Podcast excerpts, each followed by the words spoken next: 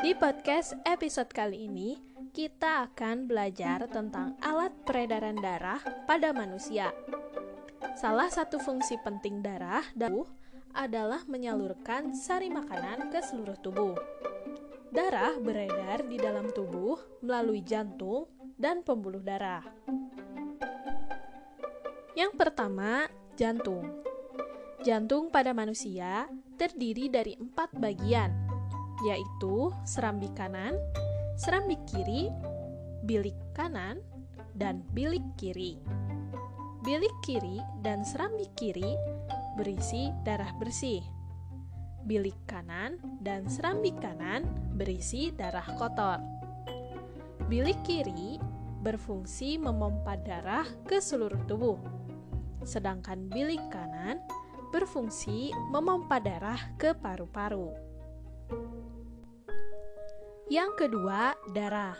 Darah merupakan salah satu bagian terpenting dalam tubuh. Darah bertugas mengalirkan sari-sari makanan ke seluruh tubuh. Dalam darah terdapat sel-sel darah dan plasma darah.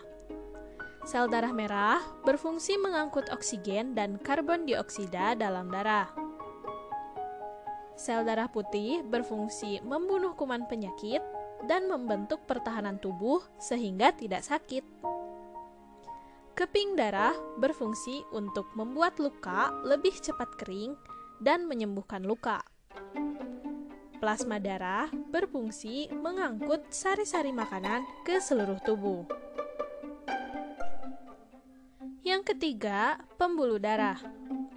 Darah yang dipompa dari jantung mengalir ke seluruh tubuh melalui pembuluh darah. Pembuluh darah merupakan jalan darah di mana darah mengalir ke seluruh tubuh ataupun mengalir kembali menuju jantung.